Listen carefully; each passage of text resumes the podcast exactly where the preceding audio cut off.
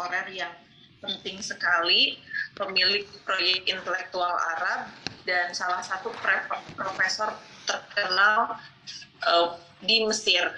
Kemudian juga mendalami beberapa metode berpikir, mulai dari pemikiran fenomenologi Hassel, kemudian filsafat Jane Guiton, kemudian filsafat Louis Mastignon, dan Hanafi juga kemudian melihat umat Islam pada masa itu berada dalam ketidakbebasan, ketidakprihatinan, dan berada dalam bayang-bayang negara barat ada beberapa faktor yang kemudian melatar belakangi hal tersebut.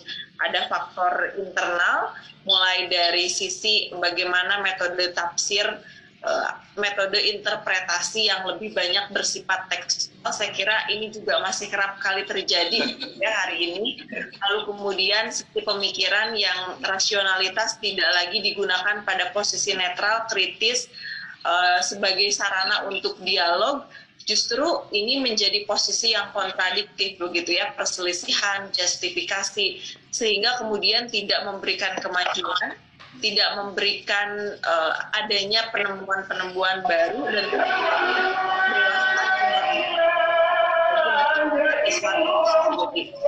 dan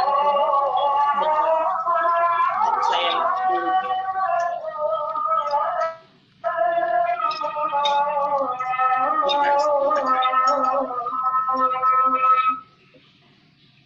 Pak Arizul boleh di mute dulu? Ya sudah, makasih. Assalamualaikum Mas Zainal, Mas Zainal, ya sudah datang, Alhamdulillah. Selamat datang Mas Jainul. Ya. Terima kasih sudah diundang oleh teman-teman Elsa, Deep, dan uh, Genial. Ya, siap, kita lanjutkan Bapak Ibu semua. Tadi sudah disampaikan bahwa uh, ya Oke, Recording in progress. Rekam dulu. Oke. Okay. Ini kalau moderator bertindak menit memang uh, seperti ini ya hambatannya mohon bisa dimaklumi. Iya tadi kemudian uh, Hanafi melihat bahwa umat Islam itu berada dalam ketidakbebasan, ketidakbebasan dan berada dalam bayang-bayang negara barat. Ada tentu ada faktor internal dan juga ada faktor eksternal gitu ya. Tadi faktor internal sudah uh, dikemukakan beberapa hal mungkin juga uh, yang berkaitan juga dengan sisi teologi yang dianut umat Islam yang sebenarnya cenderung deterministik, fatalistik dan otoriter sehingga kemudian muncullah uh, ide bagaimana penguasa tunggal, penyelamat agung dan ketundukan kepada penguasa lalu bagaimana sebenarnya faktor sosial budaya di sini juga sangat berpengaruh begitu ya. Jadi kebanyakan yang dalam kondisi terbelakang, tertindas dan jauh dari kemajuan peradaban ini menjadi ancaman juga begitu ya persoalan kolonialisme, imperialisme, zionisme dan kapitalisme barat.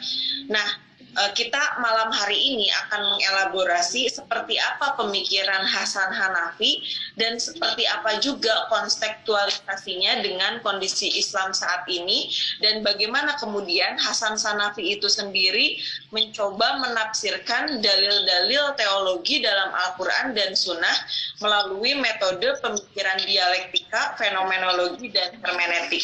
Sudah hadir bersama kita di tengah-tengah kita semua ada dua narasumber yang akan kemudian uh, mengelaborasi pemikiran Hasan Hanafi malam hari ini sebagai pemantik diskusi kita. Yang pertama yang sudah tidak asing lagi narasumber yang biasanya tunggal setiap malam Jumat begitu ya ada uh, Pak Dr. Budi Munawar Rahman, beliau sebagai dosen uh, STF Driakara, lalu kemudian ada uh, yang kedua nih selamat datang kepada narasumber yang tentu saja malam hari ini akan memberikan pencerahan kepada kita semua menemani Mas Budi melengkapi begitu ya. Uh, balik. Mas saya yang melengkapi kebalik. Oh iya. Yang ahlinya Mas Zen itu. Saling menyempurnakan, maksud saya saling menyempurnakan dan saling melengkapi malam hari ini. Dan tentu saja tidak hanya pemantik diskusi narasumber ya, mungkin juga Bapak Ibu semua yang memiliki konsen pemikiran di Hasan Hanafi nanti boleh berbagi cerita dengan kita semua. Ada Mas Jainul Ma'arif, dosen filsafat di Universitas Nahdlatul Ulama Indonesia, sekaligus juga uh, disertasinya mengenai Hasan Hanafi. Mudah-mudahan ini disertasinya tinggal sidang terbuka ya Mas Jainul ya. Halo. Baik Bapak Ibu semua, uh, kita akan mendengarkan secara seksama uh, kedua pemaparan narasumber yang saya kira akan sangat menarik sekali, apalagi apabila dikontekstualisasikan dengan kondisi Islam saat ini. Uh, pertama saya persilahkan Mas Budi karena ini narasumbernya dua begitu ya. Jadi nanti Mas, iya. Mas Zen dulu, nanti saya hanya sekitar 20 sampai 30 menit begitu ya. Lalu kemudian nanti kita akan uh, menyambung pemaparannya dengan Mas Zainul. Saya persilahkan Mas Budi.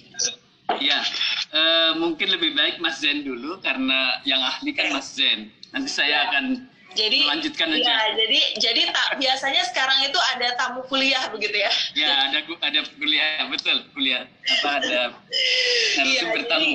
Uh, Oke, saya saya persilahkan yang pertama kepada Mas Jainul Ma'arif yang tentu punya uh, banyak referensi begitu ya terkait dengan karya-karyanya Hasan Hanafi dan mendalami ya lebih menukik lagi begitu ya pemikiran-pemikiran Hasan uh, Hanafi yang juga disertai dengan analisis-analisis Mas Jainul. Saya persilahkan Mas Jainul, saat ini yang bergabung sudah 98 orang, uh, dan biasanya kita mentok di 100 Mas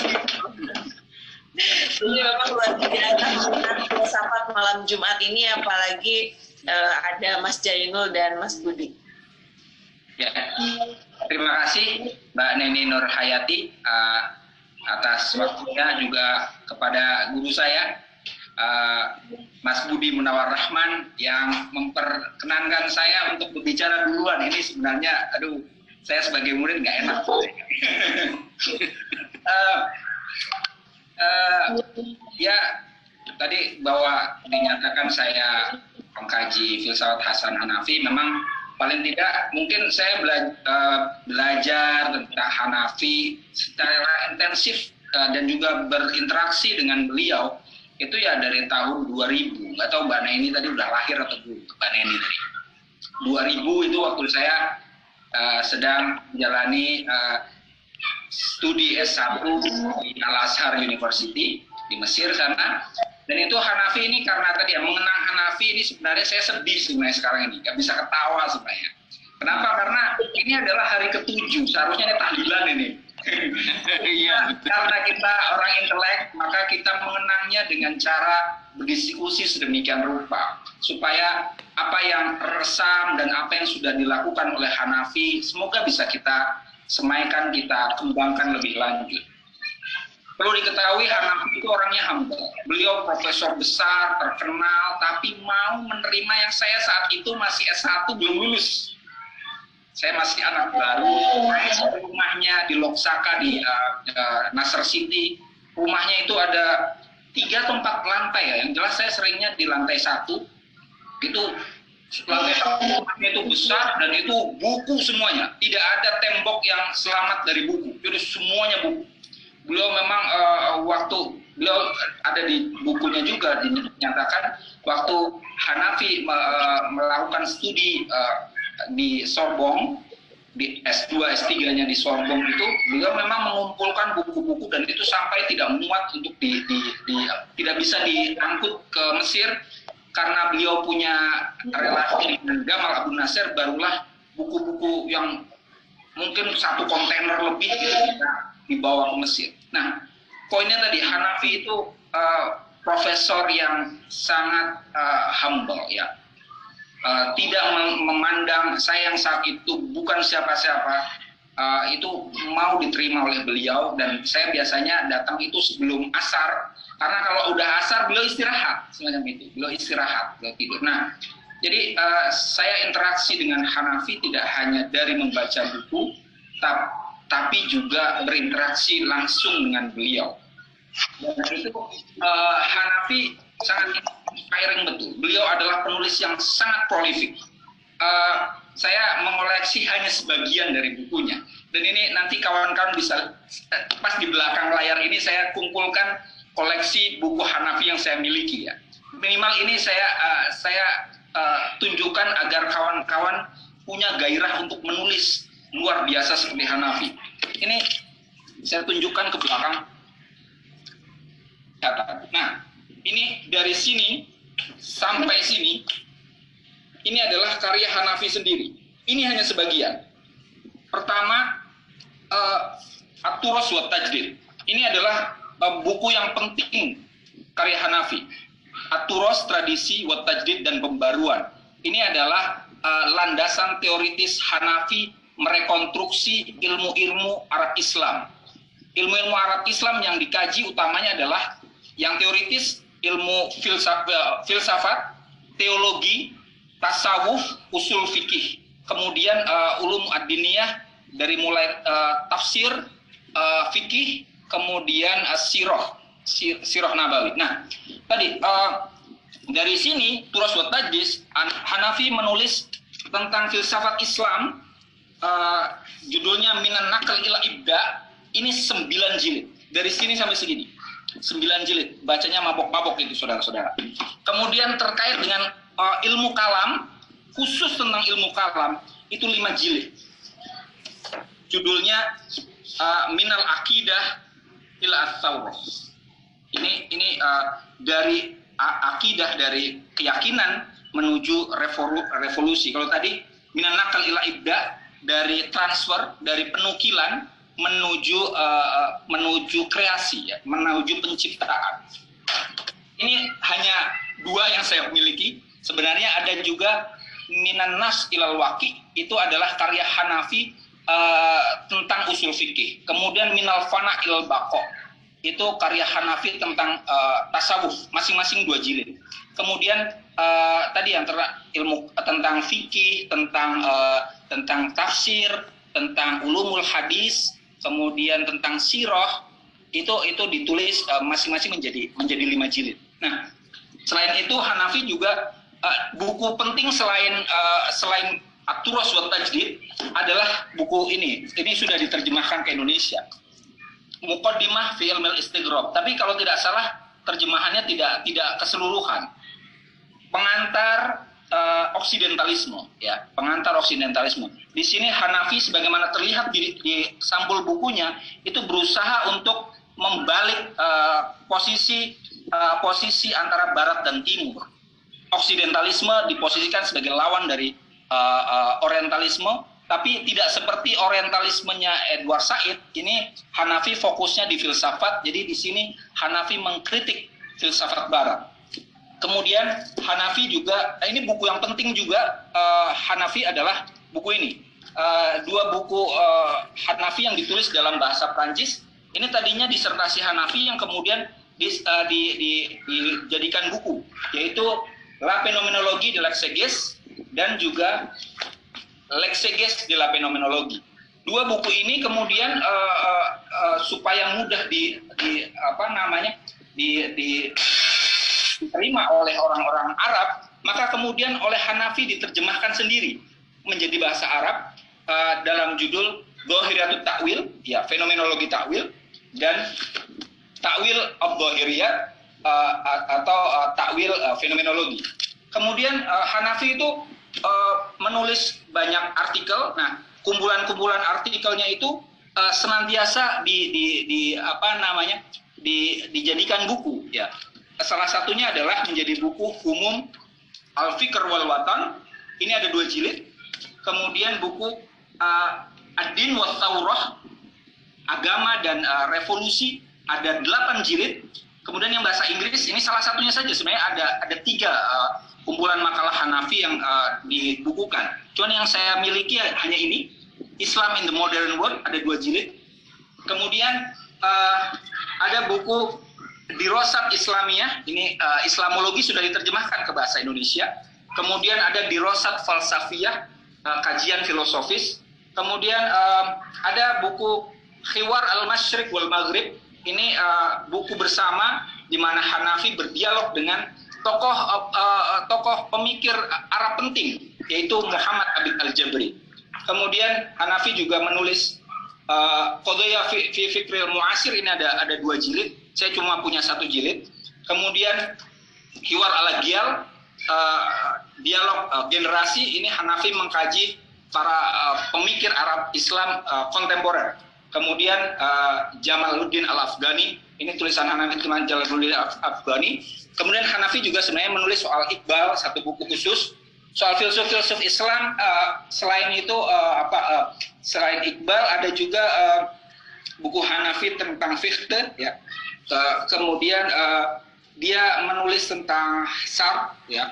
Jean Paul Sartre, uh, Ta'ala Ma'ana Ma'ujud itu uh, tentang ego transendental Kemudian ada buku Hanafi uh, tentang uh, filsafat uh, Eropa Eropa abad pertengahan ya.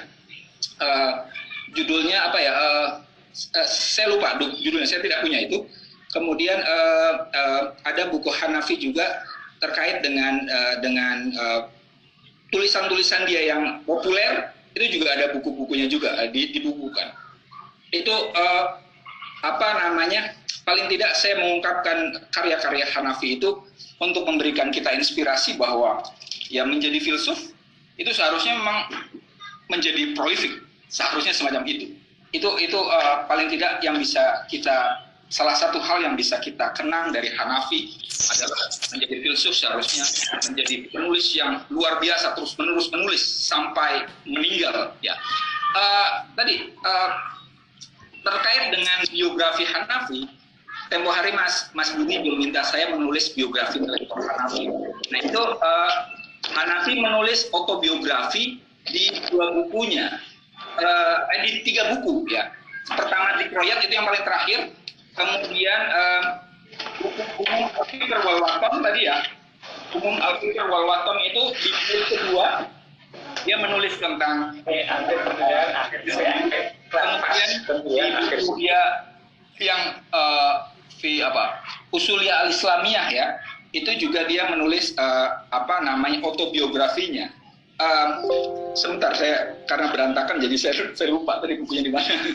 Itu uh, apa namanya uh, ini ya ini kalau ingin tahu Hanafi sebagaimana yang Hanafi bayangkan dan dia tulis itu salah satunya kalau pengen ringkas ya biografi ringkasnya itu ada di tiga buku. Yang saya punya cuma cuma dua, yaitu di buku ini Humum al Fikr wal Watan dan buku uh, Al Usuliyah Al Islamiyah. Di sini di di uh, bab terakhir Hanafi menulis muhawalah mu, mu, uh, mabdaiyah li sirah ad-dabiyah.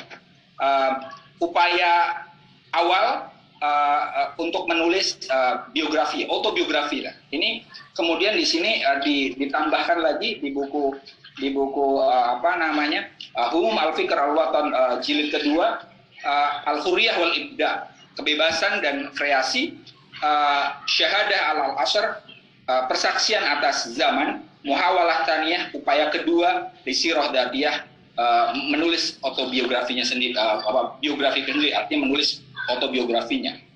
Nah, uh, di di sini di autobiografinya salah satunya di sini disebutkan Hanafi itu melewati beberapa beberapa fase kesadaran. Ya, tadi Hanafi memang kalau secara filosofis metode utamanya adalah fenomenologi. Ya, cuman dalam uh, pernyataan Hanafi, fenomenologi Hanafi tidak 100% uh, Harselian tapi ada unsur uh, suhrawardia ya di buku dia uh, yang berjudul uh, dirosat dirosat islamiyah eh dirosat dirosat falsafiyah itu Hanafi menulis tentang fenomenologia wa wa wa wa wal isyraq uh, hikmatul isyraq wa fenomenologia jadi Hanafi metode utamanya fenomenologi tapi fenomenologinya itu uh, uh, suatu, uh, apa namanya suatu mix ya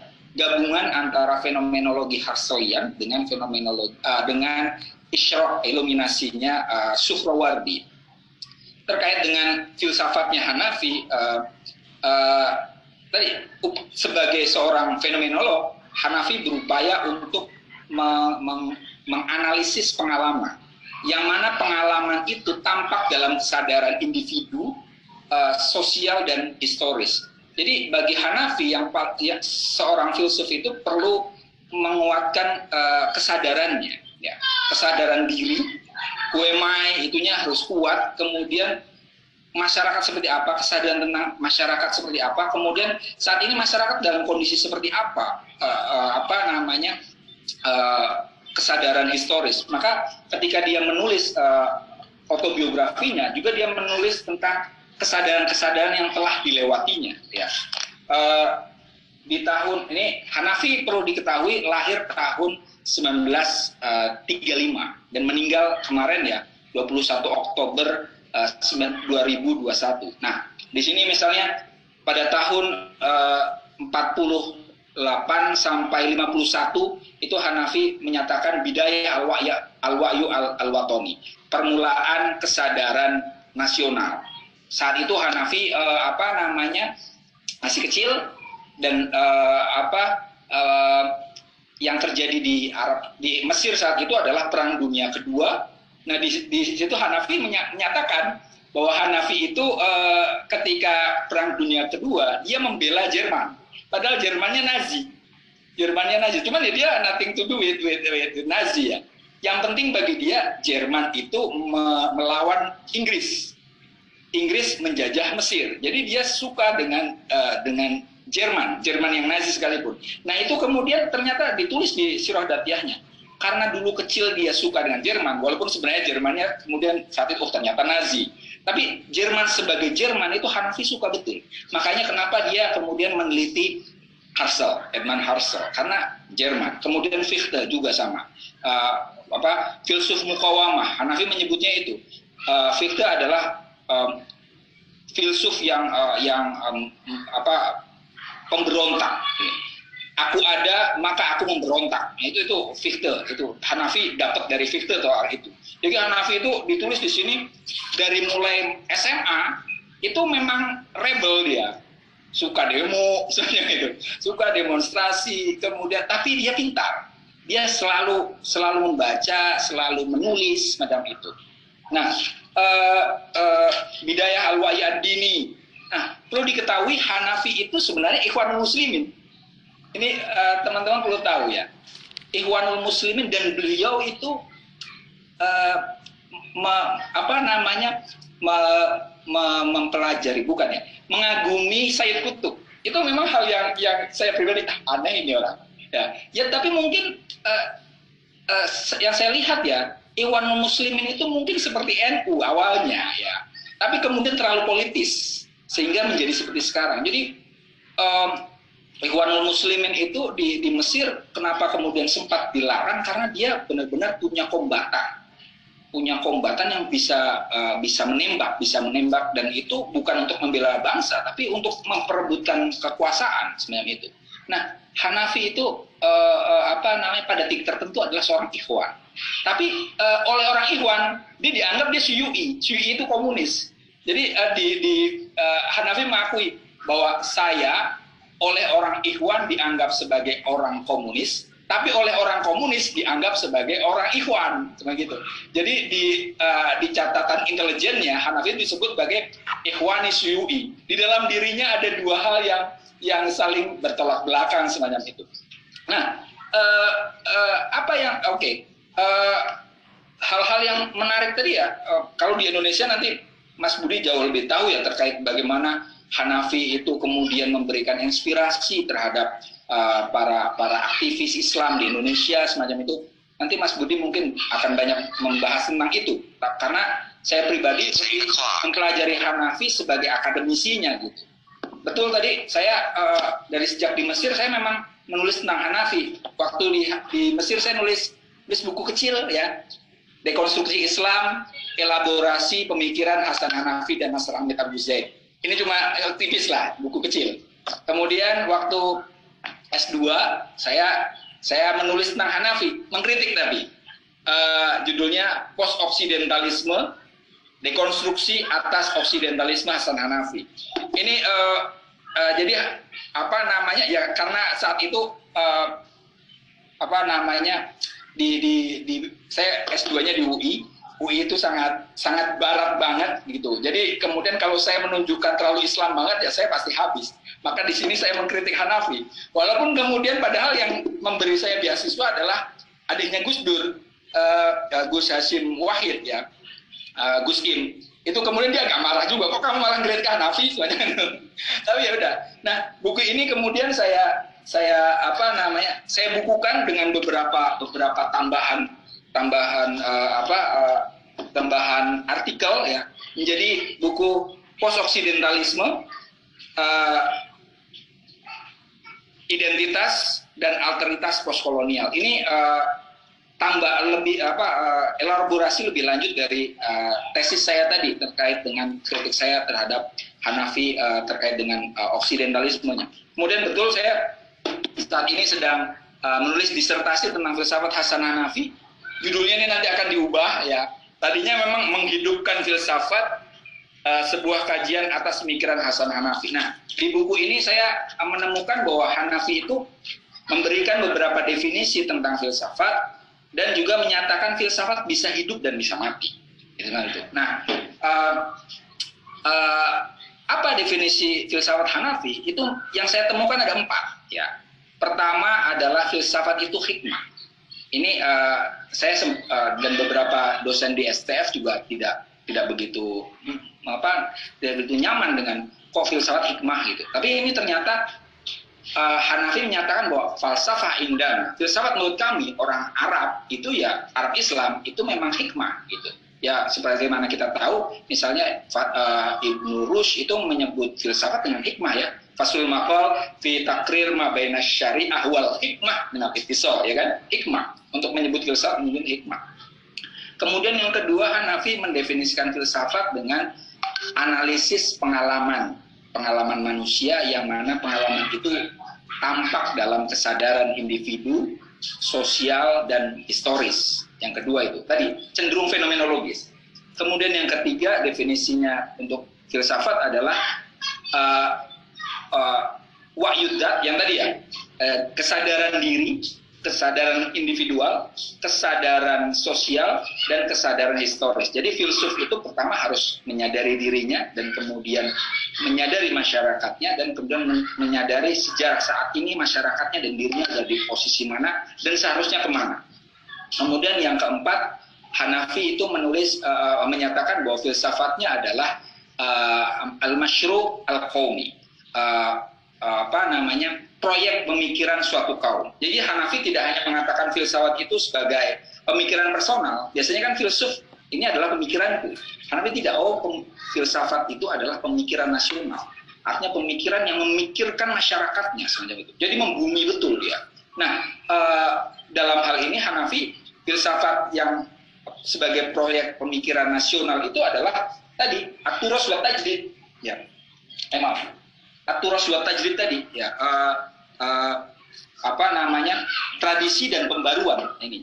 Jadi uh, filsafat Hanafi sebagai proyek pemikiran pemikiran uh, suatu kaum adalah tradisi dan pembaruan.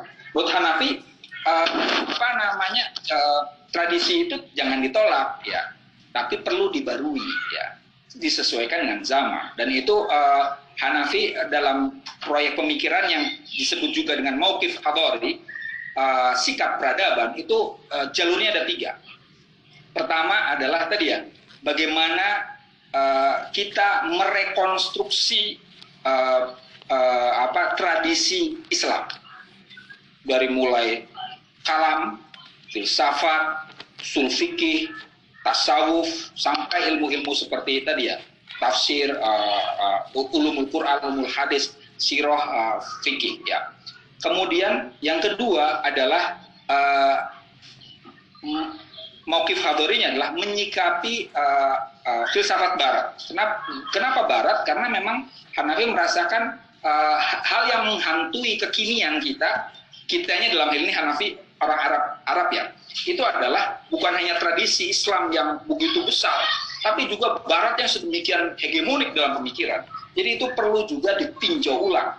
Kemudian yang ketiga adalah uh, menyikapi realitas kekinian itu seperti apa semacam itu. Nah, menurut hemat saya itu uh, hal yang yang perlu di, di, dijadikan inspirasi buat kita bahwa uh, uh, ber, berfilsafat itu tidak semata-mata hanya mempelajari pemikiran seseorang, membebek pemikiran orang, tapi perlu juga uh, melakukan tinjauan ulang terhadap apa yang kita baca dan apa yang menghegemoni pemikiran kita.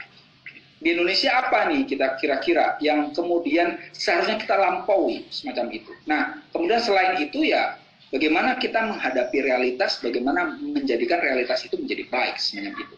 Jadi uh, mungkin saya sudah terlalu panjang ya, uh, saya uh, cukupkan sekian saja. Nanti kalau ada dialog, diskusi, kita lanjutkan lagi. Terima kasih Mbak Neni dan Mas Budi dan teman-teman semuanya atas perhatian kalian semua. Selamat malam. Baik, terima kasih Mas Jayeno atas paparannya yang mencerahkan untuk kita semua terkait dengan pemikiran Hanafi ini. Bagaimana tadi uh, Mas Zainul menyampaikan filsafat itu bisa hidup bisa mati gitu ya. Paling tidak ada empat definisi filsafat versi Hanafi. Uh, pertama adalah hikmah, analisis pengalaman manusia yang tampak dalam pengalaman individu manusia. Seperti halnya memang dalam fenomenologi begitu ya. Lalu wahyu zat dan kesadaran individu sosial dan historis, kemudian filsafat sebagai proyek pemikiran suatu kaum. Memang Hanafi menolak dan mengkritik Barat begitu ya, tetapi ide-ide Barat justru telah mempengaruhi pemikiran Hanafi dan dalam tanda kutip dikatakan sebagai juga uh, modernis liberal begitu ya. Nanti kita akan elaborasi lebih jauh lagi begitu ya dengan uh, narasumber yang saya kira juga ini sama-sama uh, pemikir Hasan Hanafi juga begitu ya. Tadi nyinggung-nyinggung masalah Zen, pemikir Zen ada hal banyak paradoks memang ya. Dan saya jadi ingat gitu kemarin itu juga diskusi filsafat soal uh, pemikirannya Zen sama Mas Budi Munawar. Silakan selanjutnya Mas Budi untuk menyampaikan uh, barangkali seperti apa metode pemikiran Hanafi lalu kritik-kritik apa yang disampaikan uh, terhadap Barat itu sendiri dari perspektif Mas Budi saya persilahkan.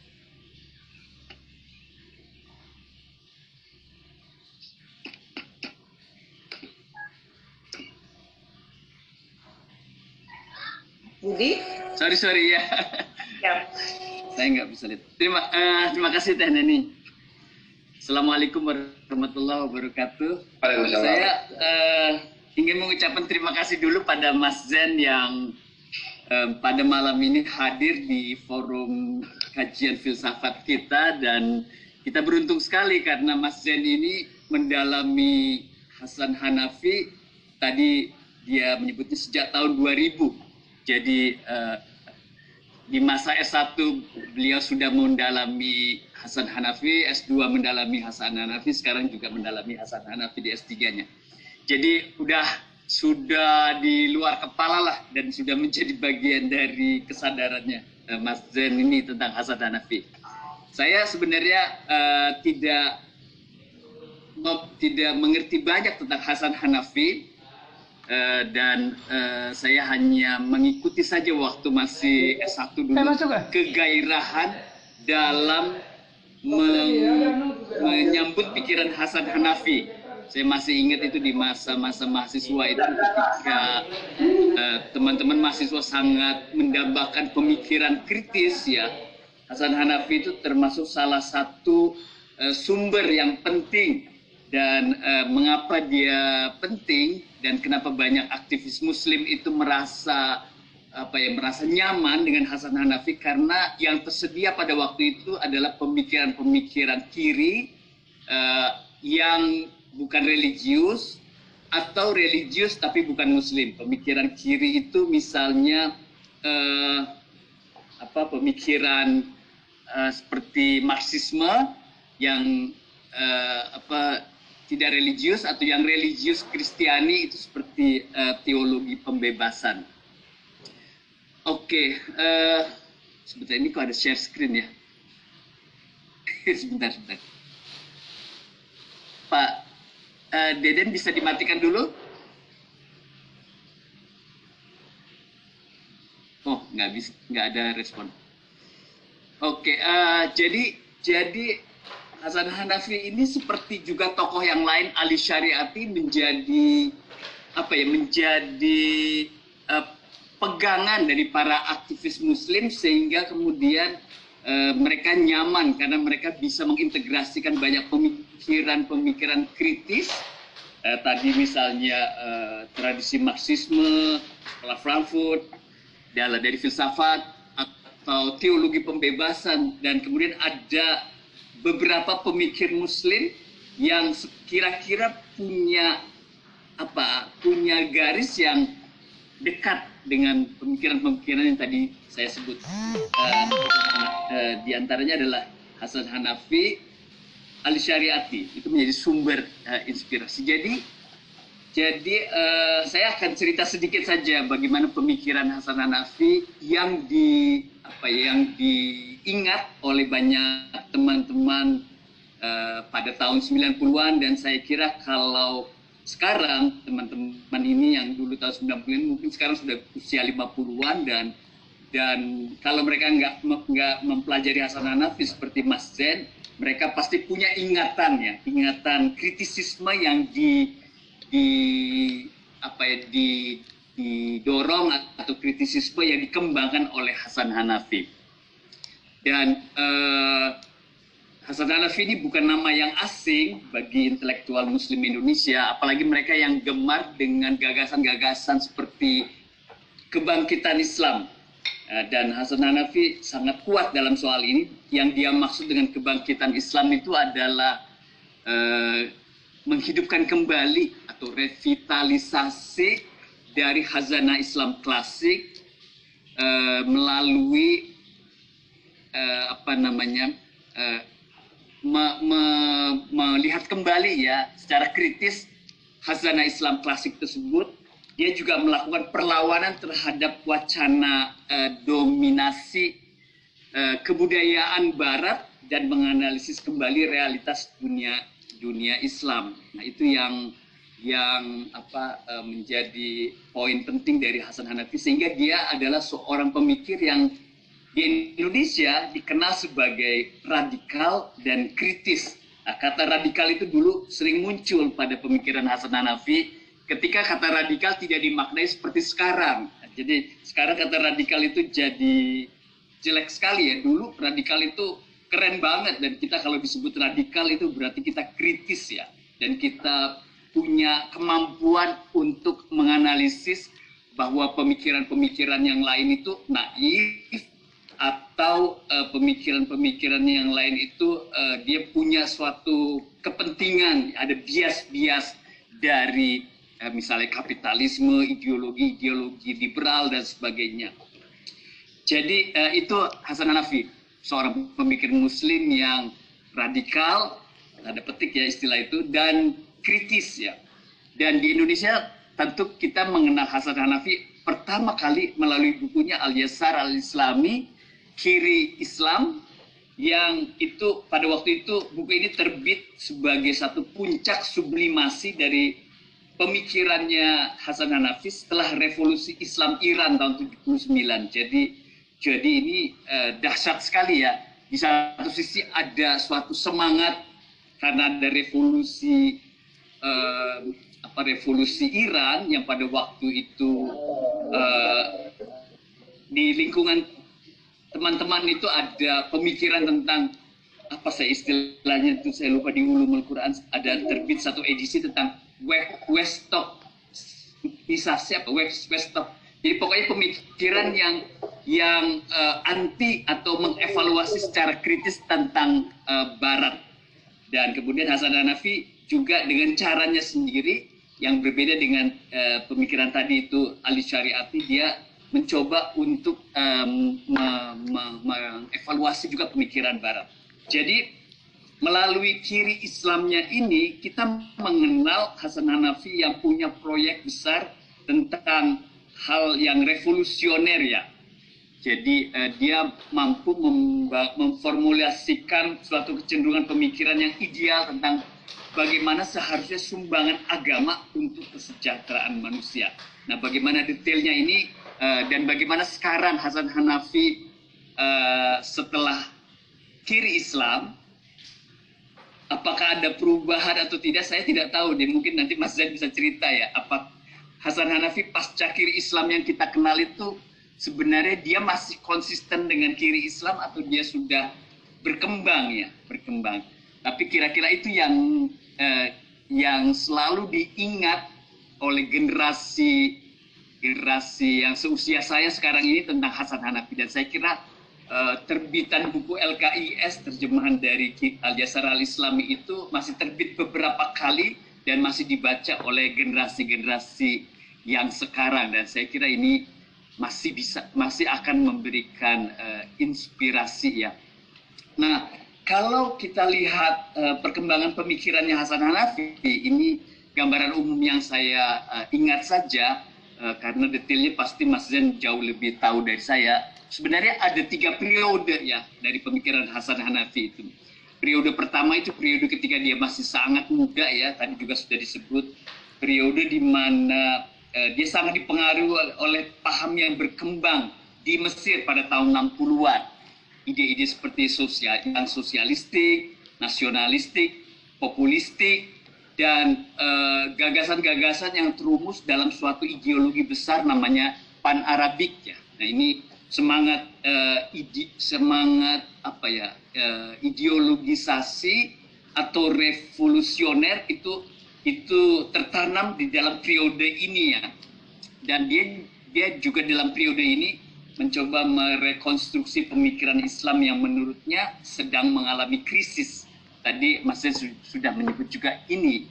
Karena itu dia melakukan banyak penelitian dan saya sebenarnya terkesima aja tadi terlihat Mas Zen menerangkan satu persatu dari buku-bukunya Hasan Hanafi. Jadi memang dahsyat sekali ini Hasan Hanafi.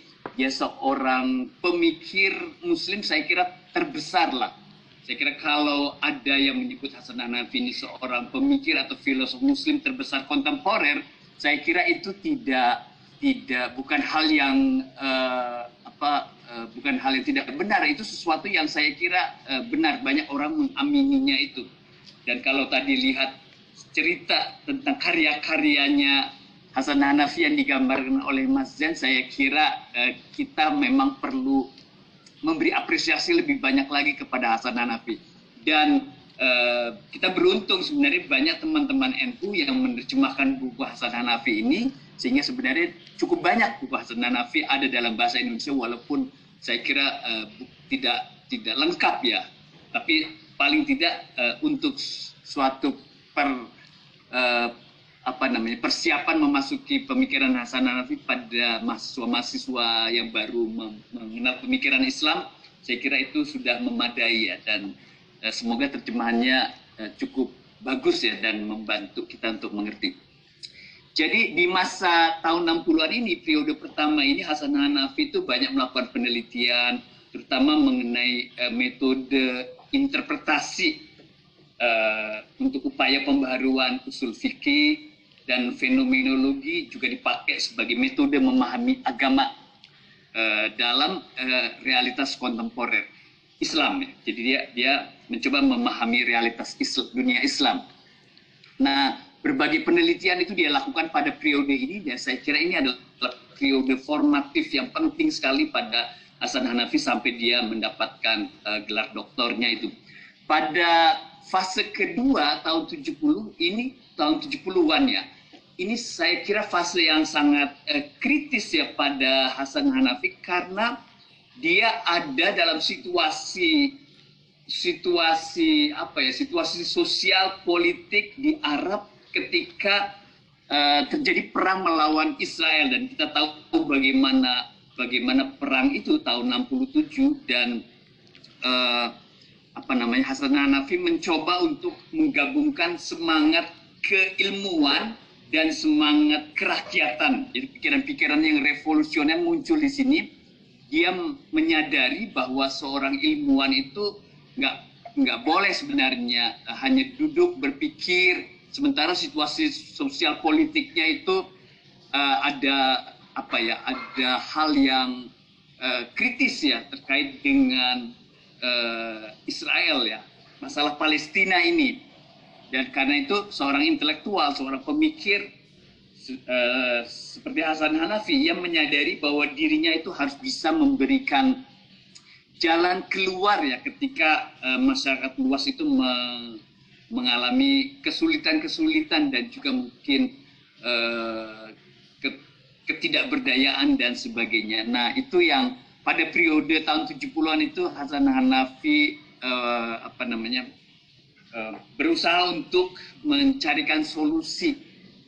Dan juga di tahun ini, tahun 70-an itu ada ketegangan yang terjadi di Mesir sendiri antara kelompok radikal yang kemudian, uh, nah ini istilah radikal di sini kita pakai istilah yang sekarang kita pakai di Indonesia. Jadi kelompok-kelompok uh, garis keras yang kemudian memicu terbunuhnya uh, Presiden Anwar Sadat dan yang dia memberi kelonggaran hubungan Mesir Israel itu pada tahun 81 dan ini uh, menginspirasikan Hanafi dalam menulis uh, buku yang merupakan himpunan artikelnya yang tadi Mas uh, Zen sudah kemukakan. Adin Wasaurah Filmister itu tahu uh, yang itu uh, kumpulan karangannya tahun 52 sampai 81 dan um, apa namanya dan beberapa karangan lagi yang lain. Dan ada karangan yang yang apa namanya menginspirasi banyak banyak pemikiran teman-teman LSM pada periode ini ya yaitu karangan Religious Dialogue and Revolution itu juga kumpulan karangan tahun 72 76 dan uh, saya masih ingat itu bagaimana Dawam Raharjo di LP3IS itu sangat antusias dengan Hasan Hanafi dan dia bahkan menerjemahkan satu karangan saya kurang tahu apakah diambil ya. dari dari buku ini tentang teologi tanah ya. Dan saya uh, sekarang lupa apakah karangan yang diterjemahkan oleh Dawam itu kemudian masuk ke ke majalah Prisma atau tidak, tapi saya mendapatkan kopi dari terjemahan Mas Dawam itu yang uh, Mas Dawam sangat bersemangat karena pikiran-pikiran Dawam Raharjo itu cocok dengan Hasan Hanafi, terutama terkait dengan sosialisme Islamnya. Mas Dawam ini juga seorang sosialis yang saya kira uh, kurang banyak dielaborasi ya di lingkungan Muslim karena uh, mungkin Mas Dawam itu karena majalah ulumul Qur'annya, karena elsafnya di masa yang lalu, uh, kemudian pikirannya sangat tersambung dengan Cak Nur. Dan kalau kita baca ensiklopedia Al-Qur'annya Dawam, sebenarnya uh, Dawam itu seorang Cak Nurian, tapi di di bulan-bulan yang lalu terbit satu kumpulan karangan tentang sosialismenya Dawam. Saya apa uh, terkesima sekali dengan buku itu karena kita kurang me, me, menyadari uh, bahwa Dawam itu sebenarnya seorang sosialis Islam ya, sosialisme Islam yang ini saya kira nanti bagian dari kerjaan kita di Elsaf untuk bisa menghidupkan kembali pikiran Dawam yang tidak lagi hanya dalam bayang-bayang uh, Cak Nur, tapi Dawam yang seorang sosialis yang seperti Hasan Hanafi ini.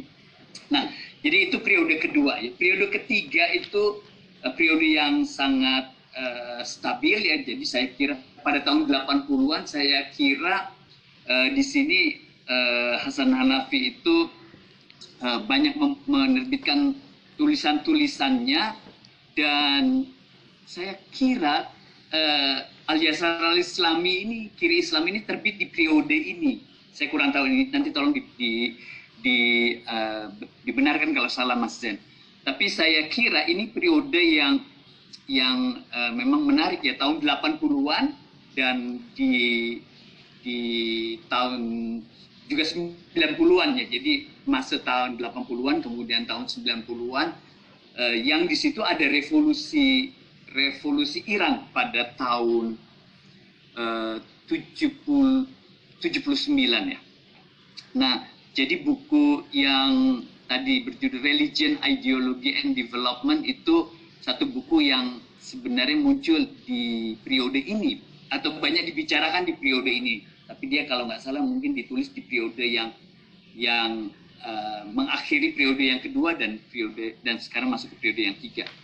Nah, jadi uh, bahwa Hasan Hanafi ini kemudian dikenal uh, pada periode ini sebagai pemikir yang aktif, gigih, memiliki perhatian besar bagi kehidupan uh, uh, Islam, kehidupan bangsa, bangsa Mesir ya, dan dan uh, dia kemudian mendapatkan tempat ya di lingkungan cendekiawan Muslim termasuk di Indonesia karena kiri Islamnya itu. Jadi dia punya, merupakan pemikir yang unik ya, yang unik dalam tradisi pemikiran intelektual Muslim.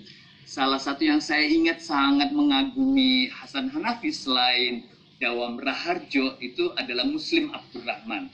Dan uh, Muslim Abdurrahman ini tokoh yang juga juga sangat tanda petik ke kiri-kirian Nah, jadi Hasan Hanafi menginspirasikan menginspirasi tokoh yang ke kiri-kirian. Uh, saya tidak pernah dengar Cak Nur bicara tentang Hasan Hanafi. Saya saya tidak tahu apakah karena beliau nggak tertarik dengan uh, dengan kiri Islam itu ya atau sosialisme. Uh, mungkin karena Cak Nur sudah seorang modernis. Tapi kalau ingat pikiran Cak Nur tahun 70-an ketika dia uh, menggagas soal sekularisasi itu ada karangan-karangan yang di dikumpulkan oleh teman saya Agus Edi Santoso yang kemudian judulnya diterbitkan uh, dia edit dia kemudian diterbitkan judulnya Islam Agama Kerakyatan. Jadi sangat uh, sosialis di, di era itu ya. Nah jadi uh, istilah kiri Islam saya kira bukan istilah yang genuine dari dari Hasan Hanafi karena kalau saya lihat uh, di beberapa catatan itu ada tokoh namanya Ahmad Gabas Soleh ya. Dia dia yang mem, me, menginspirasikan sehingga kemudian Hasan Hanafi memakai istilah al yasar al Islam saya nggak tahu apakah ini benar apa enggak ya. Tapi uh, Ahmad Gabas Soleh itu punya buku Al Yamin wal Yasar fil Islam. Nah jadi jadi sejak ini uh, Hasan Hanafi itu punya atau bukan punya Hasan Hanafi itu dikenal sebagai seorang pemikir sosialis Islam dan ini ini uh, ide yang menarik ya karena sampai masa ini masa masa ketika uh, Hasan Hanafi ini dikenal dengan kiri Islam itu sosialisme Islam kurang kuat sebenarnya. Nanti tentu ada ahli syariati tapi uh, gagasan pada Hasan Hanafi itu betul-betul ya uh, dahsyat tentang kekiriannya itu. Di mana dia dipandang dan teman-teman sangat mengapresiasi ya teman-teman para aktivis LSM tahun tahun um, 80-an itu sangat mengapresiasi Hasan Hanafi karena dia mengangkat porsi uh, orang yang uh, dikuasai, kaum tertindas, kaum miskin, kaum yang menderita atau kelompok-kelompok um, yang mengalami marginalisasi dan Hasan Hanafi mendorong suatu pembelaan terhadap mereka. Kalau istilahnya teologi pembebasan itu preferential option for the poor. Uh, jadi satu keberpihakan kepada orang miskin. Dan Hasan Hanafi mendorong supaya kita melakukan perlawanan dengan kritisisme. Jadi saya masih ingat uh, banyak teman pada waktu itu bikin pamflet yang didasarkan pada pikiran-pikiran Hasan Hanafi ini. Jadi uh, itu kira-kira uh, apa namanya ya tahap-tahap pemikiran dari Hasan Hanafi tentu saja dia sangat dipengaruhi juga oleh gerakan-gerakan atau perkembangan yang ada di sekitar uh, di masa pemikirannya yang terutama pada tahun uh, 70 akhir 70-an, 80-an yang dia sudah sangat sudah solid lah sebagai seorang pemikir ya, dia dipengaruhi oleh oleh misalnya kecenderungan-kecenderungan di mana uh, ada praktek keislaman yang hanya menjadi ritus, feodalisme, kapitalisme kesukuan. Nah, ini yang nanti akan dikritik ya.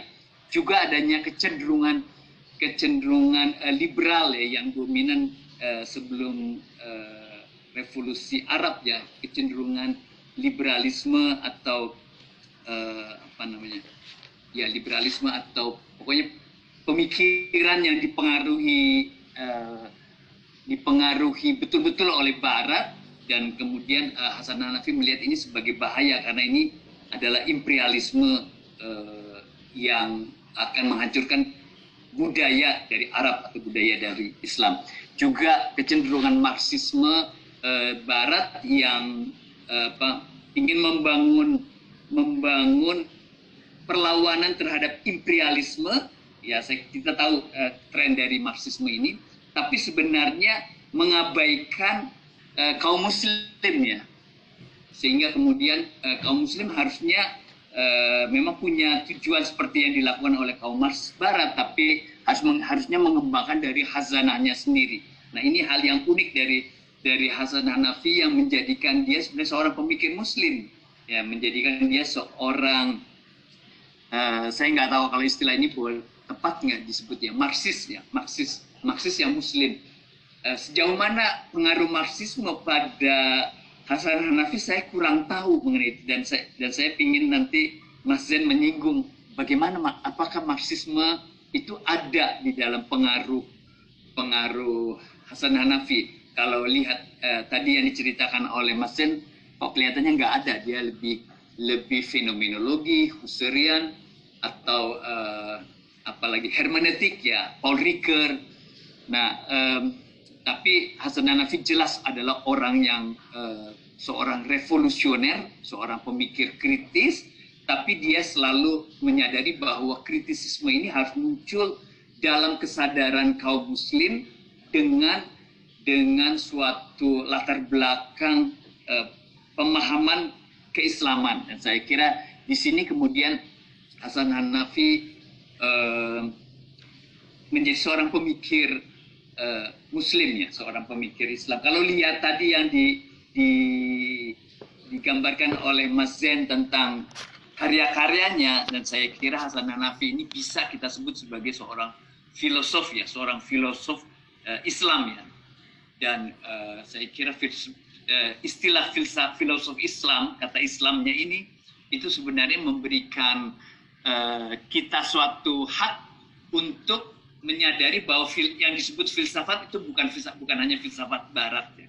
tapi juga ada sebuah filsafat yang dia berangkat eh, dari tradisi Islam yang panjang yang yang juga dalam tradisi Islam itu kita pernah punya filsafat Islam yang eh, khas ya yang tidak sepenuhnya copy paste dari uh, Yunani. Oke, okay, uh, apalagi ya? Saya kira mungkin saya berhenti di sini aja lebih baik kita kita uh, apa uh, menimba ilmu dari Mas Zen karena Mas Zen ini sudah lama bergumul dengan Hasan Hanafi. Jadi uh, fungsi saya sebenarnya hanya ketua kelas di sini dan dan teman-teman uh, silakan untuk uh, bertanya pada Mas Zen uh, mumpung dia ada di forum kita terima kasih saya berhenti di sini Teh Neni selamat Assalamualaikum ورحمة الله وبركاته الحمد لله الحمد لله رب العالمين الصلاة والسلام على رسول الكريم سيدنا ومولانا وحبيبنا محمد اللهم صل وسلم وبارك على مولانا محمد وعلى آله وأصحابه ومن تبعهم إلى يوم الدين Amma ba'd. Alhamdulillah pada subuh hari ini kita telah melaksanakan salah satu kebutuhan kita sebagai hamba Allah Subhanahu wa taala yakni salat subuh secara berjamaah dan kita lanjutkan dengan mentadaburi ayat-ayat Allah Subhanahu wa taala. Ini sebuah rahmat yang besar kepada orang-orang yang dibukakan hatinya untuk senantiasa uh, mentadaburi ayat-ayat Allah Subhanahu wa taala. Uh, kenapa saya mengatakan ini rahmat besar? Eh, karena yang dikaji, yang dibaca juga rahmat. Maka yang membacanya akan memperoleh rahmat di dalam surah Ar-Rahman itu nama surah khusus asma Allah, nama Allah itu Ar-Rahman. Ayat yang kedua setelah itu Allamal Quran. Kemudian halakal insan. Jadi Allah yang maha kasih salah satu bentuk kasih sayang Tuhan yang terbesar kepada manusia allamal Quran dia mengajarkan Al-Quran. Maka Quran itu rahmat terbesar. Maka kata Quran ini disandarkan kepada sifat rahmannya.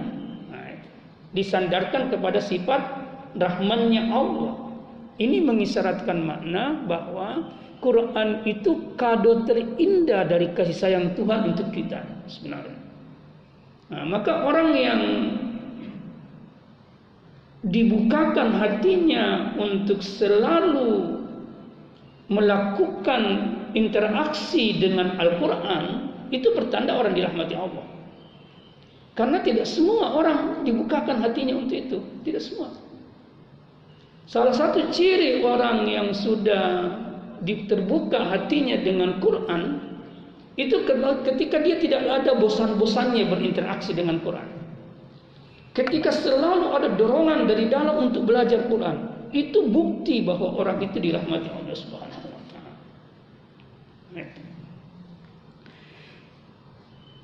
Beberapa hari yang lalu saya menjelaskan bahwa salah satu ciri atau di antara cara untuk bisa memahami bahwa salat kita benar, salat kita diterima oleh Allah ketika bacaan-bacaan setelah salat itu kandungannya merealitas dalam diri kita, nyata dalam hidup kita.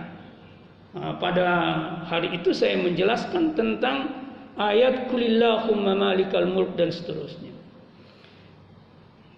Maka pada kesempatan ini yang saya akan jelaskan adalah surah Al-Fatihah yang selalu dibaca pasca sholat sebagai bentuk sikir.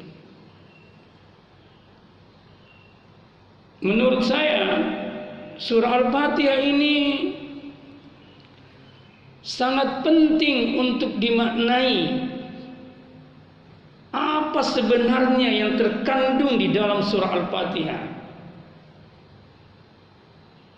dan prinsip-prinsip hidup apa yang harus dipahami lalu diamalkan dari kandungan surah Al-Fatihah. Ini Al-Fatihah ini sangat dalam sebenarnya dan sangat unik. Saya akan sampaikan pada kesempatan hari ini. Contoh keunikannya. Al-Fatihah itu bukan ayat yang pertama turun. Bukan ayat yang pertama turun. Yang pertama turun seperti kita pahami adalah surah Al-Alaq. Lima ayat pertama dalam surah Al-Alaq. Bukan Al-Fatihah. Baru ada yang berpendapat turun surah Nun wal Qalam. Ada yang berpendapat setelah itu Al-Muzammil, Al-Mudatsir. Kalau saya tidak salah Fatih itu antara 5, 4, 5 itu baru turun Al-Fatihah. Dan Al-Fatihah itu uniknya dia yang pertama turun dalam jumlah ayat yang sekaligus. Artinya Al-Fatihah surah yang pertama turun sekaligus jumlahnya tujuh tidak tidak di di apa namanya eh, sedikit sedikit tidak. Dia langsung satu surah itu turun. Itu salah satu keunikannya. Nah, menariknya adalah Al-Fatihah yang tidak pernah yang bukan pertama kali turun itu ditempatkan di Al-Qur'an di surah yang pertama. Maka disebut Al-Fatihah. Apa artinya Al-Fatihah pembuka. Ah. Kalau kita mengatakan bahwa Al-Quran itu adalah kitab kehidupan, nah ini, kalau kita meyakini bahwa Al-Quran itu adalah kitab kehidupan, petunjuk-petunjuk hidup dan memang seperti itu. Maka ketika Quran itu dibuka dengan surah Al-Fatihah, maka itu mengisyaratkan makna bukalah kehidupanmu dengan tujuh ayat dari surah Al-Fatihah. Buka kehidupanmu dengan menghidupkan kandungan surah Al-Fatihah dalam kehidupanmu itu. Bahkan kalau kita masuk ke nama Al-Fatihah yang lain yakni Sab'ul Mazani tujuh ayat yang selalu diulang-ulang ini tujuh ayat yang selalu diulang-ulang maksud dari tujuh ayat yang selalu diulang-ulang itu ada dua yang pertama tidak ada surah dari Al-Quran yang selalu berulang-ulang dibaca oleh manusia kecuali surah Al-Fatihah. Dalam sehari. Paling tidak dalam sehari dia akan berulang 17 kali. Pertanyaan saya, surah Al-Fatihah ini berulang 17 kali. Itu mengisyaratkan sebenarnya makna kepada kita eh ulang-ulangi itu eh kandungan surah Al-Fatihah dalam pembukaan kehidupan kita. Atau kalau kita bertanya lebih dalam, 17 kali dia diulang-ulang dalam satu hari minimal. Apa pengaruhnya dalam hidup kita? Nih. Apa yang Fatihah berikan kepada kita? Atau saya balik, apa yang kita ambil dari tujuh ayat surah Al-Fatihah itu? sebagai prinsip kehidupan.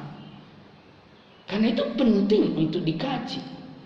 Karena kalau ini tidak dipahami kandungannya, maka pengaruhnya tidak terasa. Tapi kalau kita kaji kandungannya, insya Allah kita terasakan pengaruhnya. Kalau kita paham apa isinya. Maka pembahasan Al-Fatihah ini penting sekali untuk kita betul-betul pahami kandungannya lalu kemudian kita jadikan sebagai prinsip-prinsip kehidupan.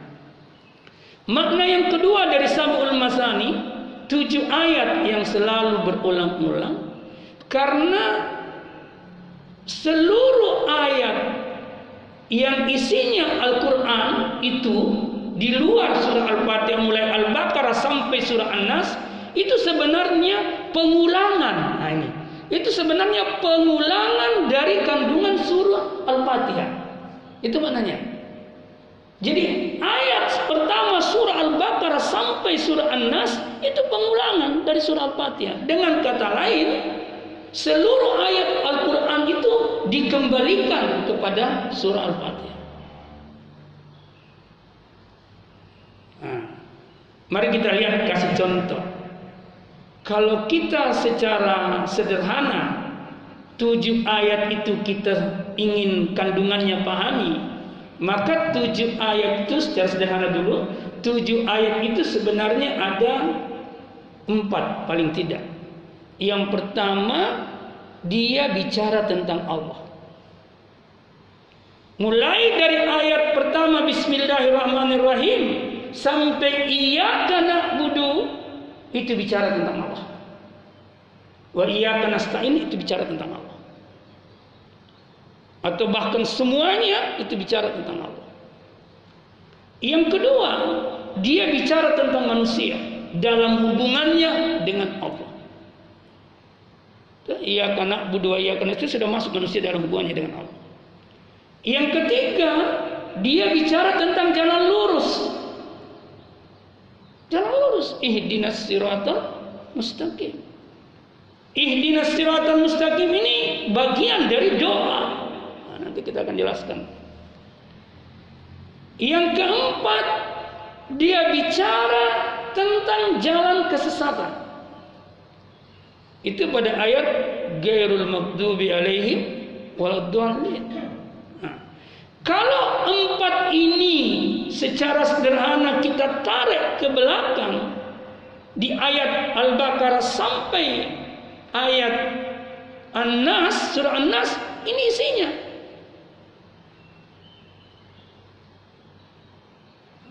Jadi, tapi kalau kita bicara bahwa ada kandungan lain dari surah Al-Fatihah itu, misalnya kisah tentang tauhid, tentang manusia sendiri, semua itu dijelaskan dalam surah Al-Fatihah. Dan seluruh kandungan ayat setelah surah Al-Fatihah itu isinya di surah Al-Fatihah. Makanya ulama mengatakan 6000 sekian ayat Al-Quran itu terangkum di dalam surah Al-Fatihah. Itu makanya disebut sababul masani.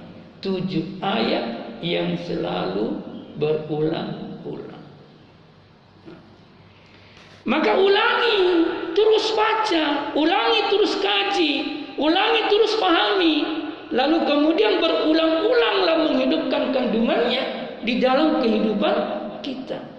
Insya Allah kehidupan kita akan selamat dengan berpatokan pada surah Al-Fatihah. Keunikan yang lain Bapak sekalian. Surah Al-Fatihah itu tidak bisa digantikan dengan ayat-ayat yang lain. Tidak bisa. Tapi Al-Fatihah bisa menggantikan ayat-ayat yang lain. Apa buktinya? Kalau bapak ibu salat, sah salatnya kalau baca tidak baca Al-Fatihah? Biar satu Quran bapak baca Selain dari Al-Fatihah di dalam salatnya, itu tidak sah salatnya. Tapi Bapak tidak baca ayat apa-apa, tapi baca Al-Fatihah cukup. Ini. Jadi Al-Fatihah itu mencukupi. Tetapi selain Al-Fatihah tidak mencukupi atau tidak bisa menggantikan posisi Al-Fatihah. Ini keunikan surah Al-Fatihah. Keunikan seperti ini, kenapa tidak mendorong kita untuk mengkajinya, memahaminya, apa sebenarnya yang Tuhan inginkan kita ambil, kita pahami, kita amalkan dari surah Al-Fatihah ini. Itu sebenarnya. Nah, kita lihat dari sisi yang lain. Kalau kita menghubungkan surah Al-Fatihah sebagai surah yang pertama dan kita hubungkan surah An-Nas sebagai surah yang terakhir, surah 114, ini hubungannya luar biasa. Nah, kita lihat di, surah An-Nas ayatnya Bismillahirrahmanirrahim. Kul a'udzu birabbin nas. Aku berlindung katakan, aku berlindung kepada Rabbnya manusia. Yang kedua, Malikin nas. Aku berlindung kepada penguasa dan pemilik manusia. Ilahin nas. Aku berlindung kepada ilahnya, sesembahannya manusia. Apalagi min syarril waswasil hannas. Apa artinya? Dari kejahatan bisikan-bisikan. Ya dari kejahatan-kejahatan alladhi waswisu fi sudurin nas yang kemudian dibisikkan ke dalam dada manusia.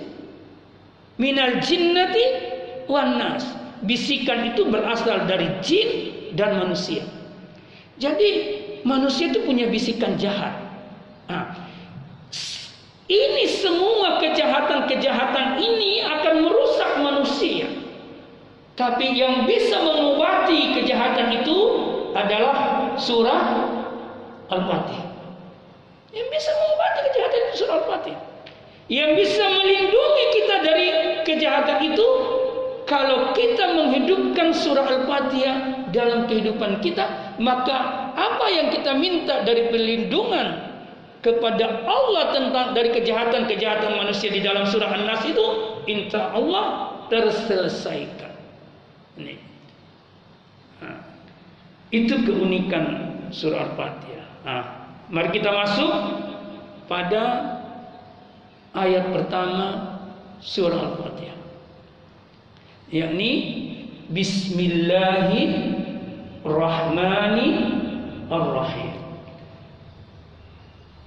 Dengan ini terjemahan yang sangat terkenal di antara kita dengan menyebut nama Allah yang Maha Pengasih lagi Maha Penyayang. Pertanyaannya, apa prinsip hidup yang kita bisa pahami dari ayat pertama ini? Apa pelajaran kehidupan yang kita bisa ambil dari ayat ini yang kita bisa praktekkan dalam kehidupan kita? Supaya kehidupan kita itu berada dalam kehidupan yang selamat dan menyelamatkan. Sebelum saya kaji secara mendalam, kita sebutkan dulu prinsip yang kita tangkap sebagai kesimpulan dari ayat itu. Yakni bukalah hidup dan kehidupanmu dengan bersandar kepada Allah Subhanahu wa taala. Ini prinsip pertama dalam hidup. Buka kehidupanmu dengan hanya bersandar kepada Allah Subhanahu wa taala tidak bersandar kepada selain Allah. Nih. Itu prinsip yang pertama.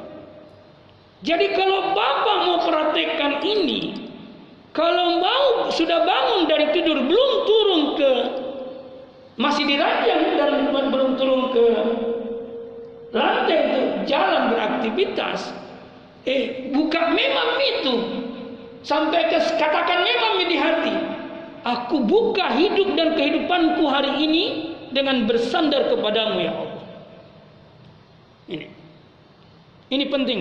Ini ikrar sebenarnya. Nah, sekarang pertanyaannya, apa makna bersandar? Ah, yang mana yang dimaksud itu bersandar? Yang mana prakteknya itu bersandar?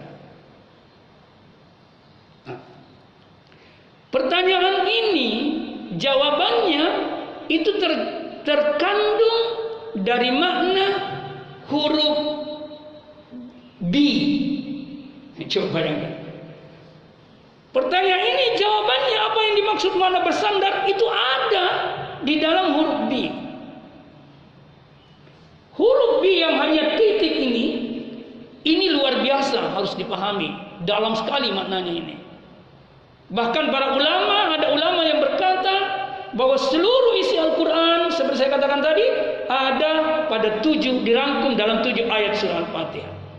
Lalu dia katakan lagi, tujuh ayat surah Al-Fatihah itu terangkum di dalam ayat pertama. Bismillahirrahmanirrahim yang terdiri dari 19 huruf. Tapi Bismillahirrahmanirrahim itu terangkum di huruf B.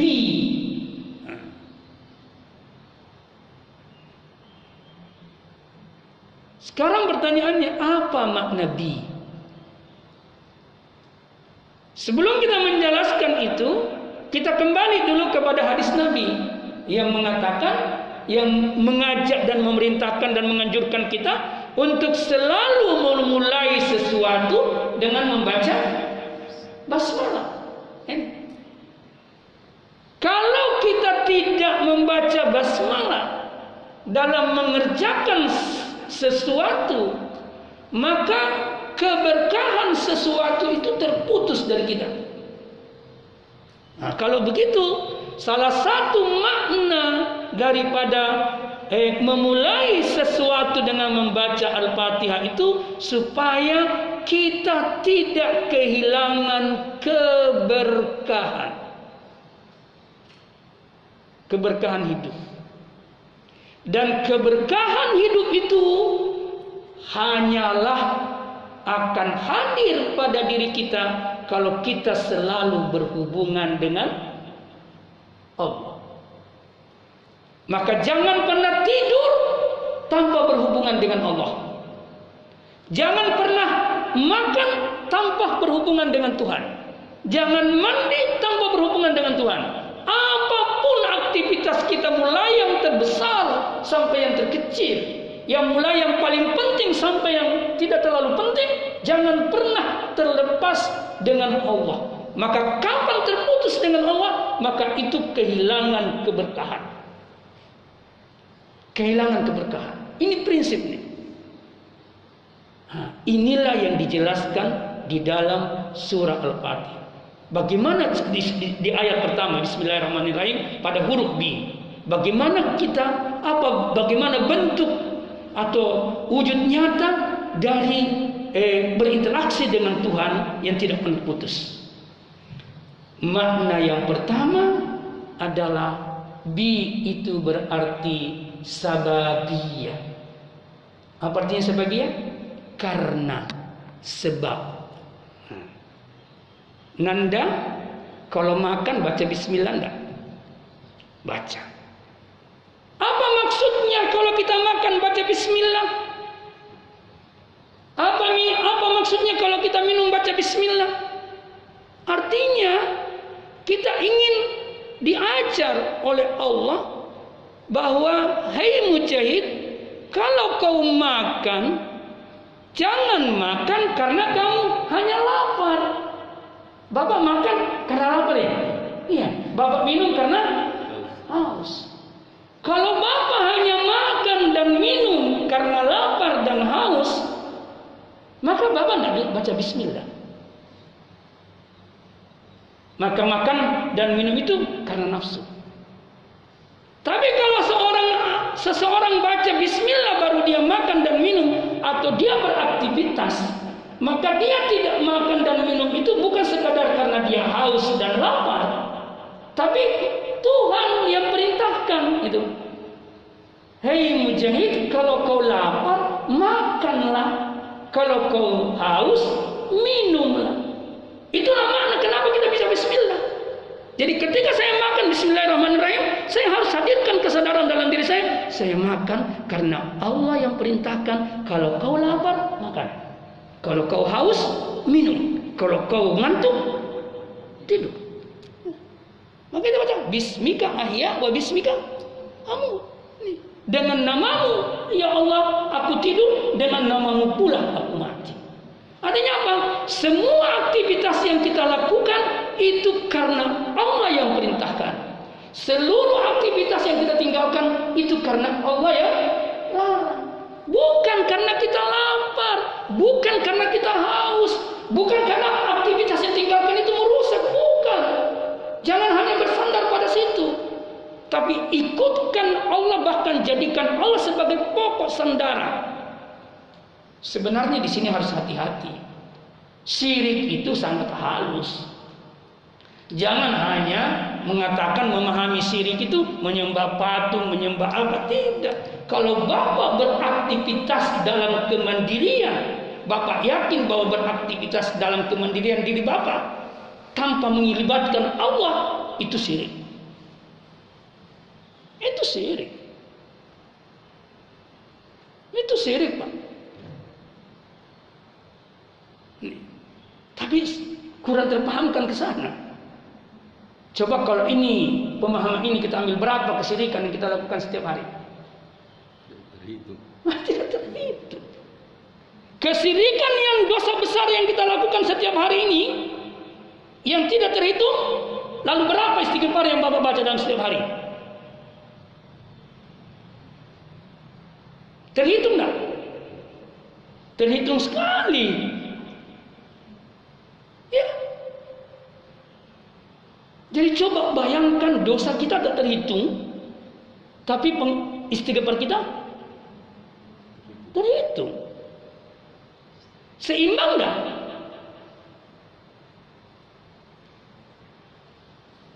Untungnya Allah itu mengampuni dosa seorang hamba. Banyak dosa yang diampuni Allah meskipun orang itu tidak beristighfar. Ini. Untungnya itu bukti kasih Tuhan. Kalau dosa yang kita lakukan harus selalu dengan istighfar baru diampuni. Oh. Gimana itu? Ini loh. Saya kembali ke makna bi dalam arti sababiyah. Jadi mulailah sesuatu mengerjakan apa pun bentuk pekerjaan itu yang benar dengan menyadari bahwa saya lakukan ini karena Allah yang perintahkan. Saya tinggalkan ini karena Allah yang Contoh lagi, kita pakai masker. Sekarang, kenapa saya harus pakai masker? Bukan karena sekedar pandemi, enggak. Tapi Tuhan bilang kalau ada bahaya maka berlindunglah kepada maka salah satu cara berlindungnya adalah pakai masker dan sebagainya. Misalnya dalam konteks pandemi. Maka kita lakukan ini karena Allah bukan karena sekedar pandemi. Ada yang bilang sama saya, Pak Ustaz takut sama pandemi, sama COVID-19. Sampai-sampai tidak pernah keluar rumah. Ada yang bilang gitu. Saya enteng aja menjawabnya. Benar. Saya takut sama virus 19. Tapi saya katakan ketakutanku kepada virus ini mengantarku berlindung kepada Allah. Kalau saya hanya sekedar takut kepada virus dan tidak kembali kepada Allah, saya sini. Jangankan saya, Nabi Musa alaihissalam dan Nabi Harun alaihissalam ketika Allah perintahkan dia menghadap kepada Firaun, dia katakan, "Ya Allah, kami berdua ini takut kepada Firaun." Kalau begitu, Nabi Musa, Nabi Harun takut tidak? Takut. Ketakutan itu manusiawi, Pak. Ketakutan yang keliru dan salah ketika ketakutan itu tidak dikembalikan perlindungannya kepada Allah. Tapi ketakutan itu dalam keadaan kemandirian. Nah, itu yang berbahaya. Bahkan Allah mengatakan, "Wala nabluwannakum bisyai'in minal khawf." Ujian pertama yang disebutkan oleh Allah, ujian yang yang sedikit itu adalah ketakutan itu sendiri. Jadi takut itu manusia. Tapi kalau kau takut, kembalikan dia kepada Allah. Nah, ini namanya. Jadi makna bersandar yang pertama lakukan segala sesuatu dan tinggalkan segala sesuatu dalam kehidupanmu karena Allah yang perintahkan untuk dilakukan dan karena Allah yang melarang untuk ditinggalkan. Eh, saya kira ini saja dulu yang pertama makna nabi yang pertama. Masih banyak makna nabi. Ada 14 makna nabi dalam bahasa Arab yang kita harus jelaskan. Terima kasih. Assalamualaikum warahmatullahi wabarakatuh.